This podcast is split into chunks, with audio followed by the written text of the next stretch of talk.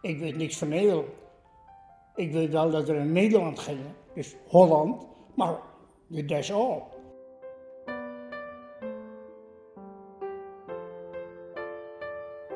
En toen, toen ik hier in Rotterdam aankwam, was het hagelde. Dus ik zeg, wat is dit? Dus ik en mijn moeder, mam, wat is dit nou? Dat is ijs op ijs. Die, die witte korst, wat is dat? En mijn moeder zei, dat is een ijs. Ja, ik pakte dat. Inderdaad, dat, dat voelde ik uit aan. heb ik dus voor het eerst dus, uh, eigenlijk hagel meegemaakt. Je luistert naar Kamp Schattenberg, een podcast over een Molukse gemeenschap die strandde in een woonoord op de Drentse hei. Vier kinderen van toen vertellen hoe het was om uitgerekend daarop te groeien. Dit is aflevering 1. Welkom in Nederland. Ik ben, uh, nou ja, Orpa Gurguren. Ik uh, ben 68 jaar. Ik ben Augustinus Tuparia. Ik ben geboren in Makassar. En mijn geboortedatum uh, is 7 augustus 1950. Dat is heel lang geleden. Mietje Hoelie, ik ben in 1951 geboren in de kamp uh, Westerbork. Mijn eigenlijke naam is Salman Zacharias. En ik ben dus, uh, dat zijn dus mijn nicknamen. In de voetballerij heet ik Sam. En in de Molukse samenleving Charlie. Vier kinderen.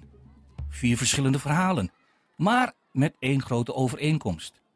Ze groeien allemaal op in kamp Schattenberg. De oudste van de vier, Charlie Sapteno, werd geboren in 1941 in de stad Malang, op Oost-Java. Hij was bijna tien jaar toen hij in 1951 aan een grote reis begon. Ik kan me nog herinneren dat mijn moeder mij zei, me vertelde, jongen, wij gaan uh, verhuizen. Ik zei, waar naartoe? Nou, heel ver. We gaan naar Holland toe. De vader van Charlie maakte deel uit van het KNIL, het Koninklijk Nederlands-Indisch Leger. En dit koloniale leger vocht sinds 1814 voor de Nederlanders. Toen Indonesië in 1949 onafhankelijk werd, hield het KNIL op te bestaan. Maar wat moest er nu verder gebeuren met de KNIL-militairen? Verschillende opties passeren de revue. De ex-soldaten van de KNIL konden niet op Java blijven waar ze gestationeerd waren. Uiteindelijk werd de Nederlandse staat in een kort geding gedwongen om de hoofdzakelijk Molukse militairen voorlopig naar Nederland te halen. Door ze in dienst te nemen, konden ze naar Nederland worden verscheept. Charlie en 12.000 anderen stapten daarom begin 1951 op de boot. Naar Holland toe. Holland, ja. Holland. Ligt Holland. Uh, oh ja. In Holland staat een huis. Uh, koningin Wilhelmina, als die jarig was, een uh, feest. Maar ze wisten eigenlijk niet ja, wat ze konden verwachten. En ze moesten, ze moesten heel snel. Het was een chaotische periode in die tijd. En ze moesten heel snel beslissen. Dus mijn moeder had in feite helemaal geen tijd gehad om afscheid te nemen van haar familie. Ja, en ze vertelde, dus zat ze in de boot, en zagen ze zo, in de verte moesten ze afscheid nemen van de vasteland. En uh, ja, onderweg naar Holland. Langzaam maar zeker viel het weg en uh, gingen ze een onzekere toekomst tegemoet. Je hoorde Mietje Hoelie. En mijn naam is Willem Hoelie. Mietje is mijn zus. En ook onze ouders verruilden hun vaderland voor een onbekende bestemming. Ik was toen nog niet geboren. Mijn ouders die kwamen vanuit Indonesië met de tweede boot, de Atlantis, met twee oudere zussen. Dus onderweg was mijn moeder, had twee kleine kinderen. Uh, eentje van drie, eentje van twee. En ze was hoogzwanger van mij. De bootreis was lang. Mensen werden zeeziek. En het thuisland leek verder weg dan ooit. Mijn zus Michi hoorde achteraf de verhalen hierover. Ergens in het Midden-Oosten. En toen kregen de mannen uh, lange jassen. En uh, de kinderen ook van die trainingspakken.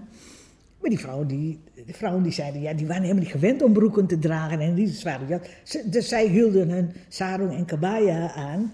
Maar het was wel heel koud. Dus zo, dat wilden ze niet afdoen. Dus uh, ja, dat zijn de momenten dat, ja, dat je denkt, oh god, ja, dat kan ik me wel voorstellen. Dat ze denken van, nee, nee, uh, niks geen trainingsbroeken en dikke jas. Dat zijn ze helemaal niet gewend, joh. Ja, dat ken ik dus niet. Dat, dat jeukt, hè. Want vroeger is het allemaal korte mouwen, korte broek en zo. Nou, dan kregen we dus een lange broek. En uh, dus dat, uh, dat moet nog even wennen. Maar we vernemen wel dat het dus warmer aanvoelt dan, dan onze kloffies die we aan hadden. En toen, op 21 maart 1951, precies 70 jaar geleden, was er land in zicht. Na een reis van ongeveer een maand meerde het eerste schip de Cotta Inten aan in Rotterdam. Met Charlie en zijn familie aan boord. In de grote douanelot, waar ze moesten wachten tot de bagage gecontroleerd was, groepten de mensen direct samen rondom de warme kachel. Nou, we zaten daar te wachten. En toen hagelt het, wat ik al vertelde, kregen we een appel. Ik kende alleen maar mango. Hè? Geen appels. Wat is dit, man? Ja, dit is een appel, jongen. Hè? Ja. Dat smaakte dus mij niet. Hè? Dus dat is uh, een beetje uh, wrang. Wrang. Zo moest het ook zijn geweest voor de vaders van Charlie, Michi, Orpa en Augustinus. Bij aankomst in Rotterdam kregen de voormalige knielmilitairen namelijk de eerste klap te verduren. De ouders van Augustinus de Paria vertelden hem er later over. Wat is die Nederlandse regering toch ondankbaar? Wij hebben voor de Hollandse vlag gevochten, weet je wel. En wij moesten plotsklaps naar Nederland. En nota bene zou een goede mogelijkheid zijn dat toen uh, mijn vader en die andere knielmilitairen in Nederland aankwamen, zou dat natuurlijk een hele goede mogelijkheid zijn om ze op te nemen in het Nederlandse, uh, uh, bij het Nederlands leger. Maar nee hoor, voordat ze voet aan wal zetten, werden ze al, hoe zeg je dat, militair afverklaard. Dat hebben ze als een vernedering ervaren. Heel erg ondankbaar. Na de Cotta Inten, die ongeveer duizend Ambonezen naar Nederland bracht, arriveert de Atlantis in Rotterdam met een tweede contingent van 925 Ambonese passagiers, voornamelijk ex-knilmilitairen met hun vrouwen en kinderen. Voor de ontscheping hebben de moeders en vaders de handen vol om hun kroost warmpjes in te stoppen, want buiten is het guur echt Hollands voorjaarsweer. Ze heeft wel eens gezegd van, ja, ik snap het niet waarom je mens, grote groepen mensen gaat verplaatsen van de ene kant van de wereld helemaal naar de andere kant. En dat je bij aankomst dan uiteindelijk zegt van, ja, ontslag. Uh, waren er geen andere mogelijkheden? Dat is... Uh, kwamen ze langzaam maar zeker wel achter van uh, waarom had het zo moeten gebeuren. Ja, waren geen andere mogelijkheden. Maar goed, dat is, uh, dat is leven met de geschiedenis, zou ik zeggen, nu. In de wagens zaten zij stil voor zich uit te staren. Hier geen golvend landschap met door de zon beschenen sawas. Hier alleen maar vlak, laag land, onder laag hangende grauwe regenwolken. Oh, mijn moeder zegt, jeetje, ik, ik werd bang. Al, al die, dat was allemaal dood. Al die, die bomen zijn dood. En als al het groen doodgaat. Nee, god, ik ga hier ook door. Ik ga, ja, ze waren helemaal niet. En alles was vlak hier, hè. zeker naarmate je het noorden op gaat, zie je alleen maar helemaal vlak. Geen bergen hebben, niks. En alles door en droog. Ja, dat was heel beangstigend. Ik wil terug, ik wil terug. Is dit er? Als ik dat had geweten, dan was ik daar gebleven. In het demobilisatiecentrum in Amersfoort stond de rijsttafel gereed. Van hier zal het merendeel der Ambonezen spoedig doorreizen naar het kamp Schattenberg, het vroegere Westerbork. Nederland kwam net uit de Tweede Wereldoorlog. Nederland was druk bezig met de wederopbouw, zeg maar. En waar moesten ze die Molukkers dan plaatsen? Ja, we werden gestopt in die bossen daar, concentratiekamp, met de slagboom ervoor. Heel apart, hè? Allen hopen ze dat het verblijf dat ze overigens vrijwillig aanvaard hebben slechts tijdelijk zal zijn en dat ze eens weer zullen kunnen terugkeren naar hun eigen vaderland. En dat zij meegenomen werden hier naartoe, naar, naar Drenthe. Nou, dat was een vreselijke onderneming. Want mijn moeder die had er altijd nog over van... Nou, dan kom je daar en dan zijn er heel veel mensen ziek. Want dan zag je aan de bomen, die waren helemaal dor. Er zat helemaal geen blad aan de bomen. En uh, nou, natuur was ziek. Er waren helemaal geen kleuren van bloemen en van uh, andere kleuren. En als je de winkels uh, zagen, de mensen liepen daar allemaal in witte jassen en witte schorten. Dus nou, in Indonesië was dat zo. Als je arts bent en verpleegster, dan liep je in witte schorten. Maar nou, zo ziek waren de mensen hier in Nederland. Hier brachten ze ons naartoe, maar het was tijdelijk. Dat zei Orpa Gurgurim. Haar moeder was hoogzwanger toen ze aankwam in kamp Schattenberg. Kreeg ze een uh, zoontje en uh, die kwam meteen te overlijden. Ja, dus ik was, ja, ik zeg altijd de oudste, maar eigenlijk was ik de tweede van het gezin. Ja. Ik heb de indruk van, als ik mijn moeder hoorde, dan was het gewoon koud en niet leuk. Ze wist niet wat ze mee moest. Eigenlijk ook een stukje verwaarlozing misschien. Want toen moest alles nog opgestart worden, hè, de hele begeleiding. Dus toen waren heel veel kinderen, waren toen, uh, kwamen te overlijden. Dus er staat een grafje in uh, Hooghalen van mijn, uh, zeg maar, toen net geboren broertje. Sjors, ja.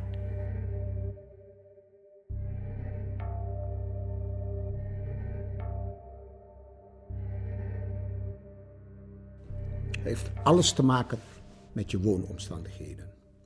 Alles. Koude barakken. Hm? Uh, uh, daar had het hoofdzakelijk mee te maken. Veel kindersterfte ook. In Hooghalen zijn er ook heel veel kindergraven. Maar dat is te verklaren vanwege je woonomstandigheden. Heel slecht. Je hoorde Augustinus weer. Het was koud in kamp Schattenberg. Kinderen overleden en de mannen waren werkloos.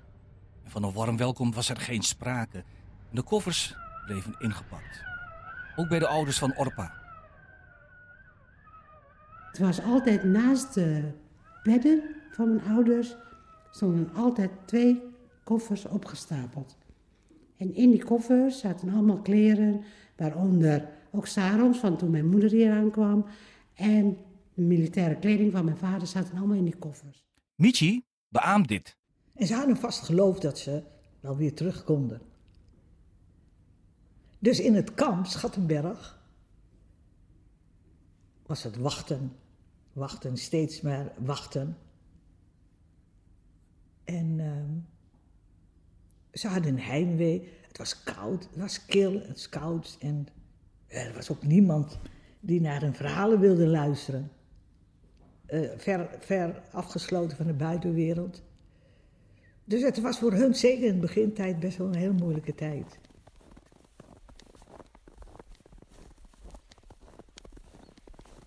Ik weet nog wel, toen we in Schattenberg kwamen, meteen de eerste week, toen hadden we sneeuw. En een dikke pak sneeuw. Dus dat was, voor mij was het ook hartstikke mooi. Dus je mag sneeuwpak gaan Dus je, je, je pakt dat ding. En toen kreeg je koude handen. Hé, wat is dit nou? En naar huis. Toen begonnen die handen te tintelen. En toen zei het zeer. Mama, wat nou? Ja, je hebt koude handen, jongen. Ja, dat weet ik wel, maar het doet zo zeer. Dus dat is het begin dat je koude handen hebt. He, dus de voeten was er nog niet zo erg. Althans, had ik het nog niet zo last van. Doordat wij dus te lang in, in de sneeuw speelden. Toen kreeg je het ook met, met je voeten te maken. Sneeuw? Wat is dat? Never seen, never heard. Hè? Wat is dat? Hè? Oh, dan voel je ook nog koud ook. Weet je? Dus we hadden altijd dikke jassen aan, uh, uh, handschoenen en koud natuurlijk. Uh, S'avonds dicht bij elkaar. Hè? Want er was natuurlijk s'avonds hartstikke koud in die houten barakken. Kom op, hé. Je had geen verwarming.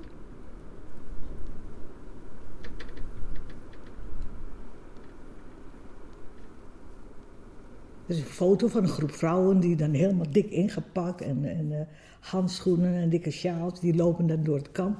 Toen dacht mensen waren het heel zwaar, maar voor de vrouwen was het ook best wel heel zwaar. Dat, het, het, was koud, het was gewoon van die krakkemikkige uh, houten barakken. En ja, uh, daar moet je zien te overleven. En ze hadden mannen die ontslag kregen van militaire dienst. Dus die hadden het ook heel erg moeilijk met zichzelf. Dus de vrouwen die moesten wel alles uh, ja, thuis goed regelen en opvangen. En die mannen die waren nog relatief jong, hè? Nou, zeg maar 25, 26, toen ze hier aankwamen. Dus zeg maar in de bloei van hun leven. En wat ze moesten doen, is eigenlijk alleen maar wachten. Wachten. Wachten. En, en ze hadden gewoon vast geloof van, nou, we, worden, we gaan weer terug. Dat was een opdracht. Maar de situatie is, is helemaal totaal veranderd. Want de dagen werden weken, de weken maanden en de maanden werden jaren. En dat had zijn weerslag op de ontslagen knielmilitairen. Ik weet nog, mijn vader, s'nachts, s'nachts kreeg hij herbelevingen, uh, dromen over de oorlog. In de volgende aflevering. En je hoorde ook altijd als iemand geslagen werd, dan waren we stil. Ja. En dan is het echt niet zo van Augustinus bent stout geweest, hè? Niet weer doen, hè? Nee. Dat ging altijd met een partij pak slag aan uh, meegemoeid. Echt waar. Niet alleen ik hoor. Maar vele anderen ook. Maar dat was natuurlijk de cultuur van die knilmilitaire hart, hè? Je luisterde naar Kamp Schattenberg, een podcast gemaakt door Hilde Boelema en Marjolein Knol voor het Drents Archief en RTV Drenthe in het kader van 70 jaar Molukkers in Nederland. De montage werd gedaan door Klaas-Jan Bos en Ruben Ester. De voice-over werd ingesproken door Willem Hoelie. Hij is de broer van Michi en werkt nu voor RTV Drenthe. Luisterde je graag naar deze podcast? Like hem dan in je favoriete podcast-app. Zo weten anderen hem ook beter te vinden. Het nummer dat je nu hoort is Toma Mayu Troes van Aan de Andere Kant en Tangerine. Het was een lange rit tot aan dit moment. En we staan nu even stil voordat de trein weer verder trekt. Het was een lange weg, wie had dit ooit gedacht? Zo vaak verdwaald geweest en niemand wist hoe ver het was.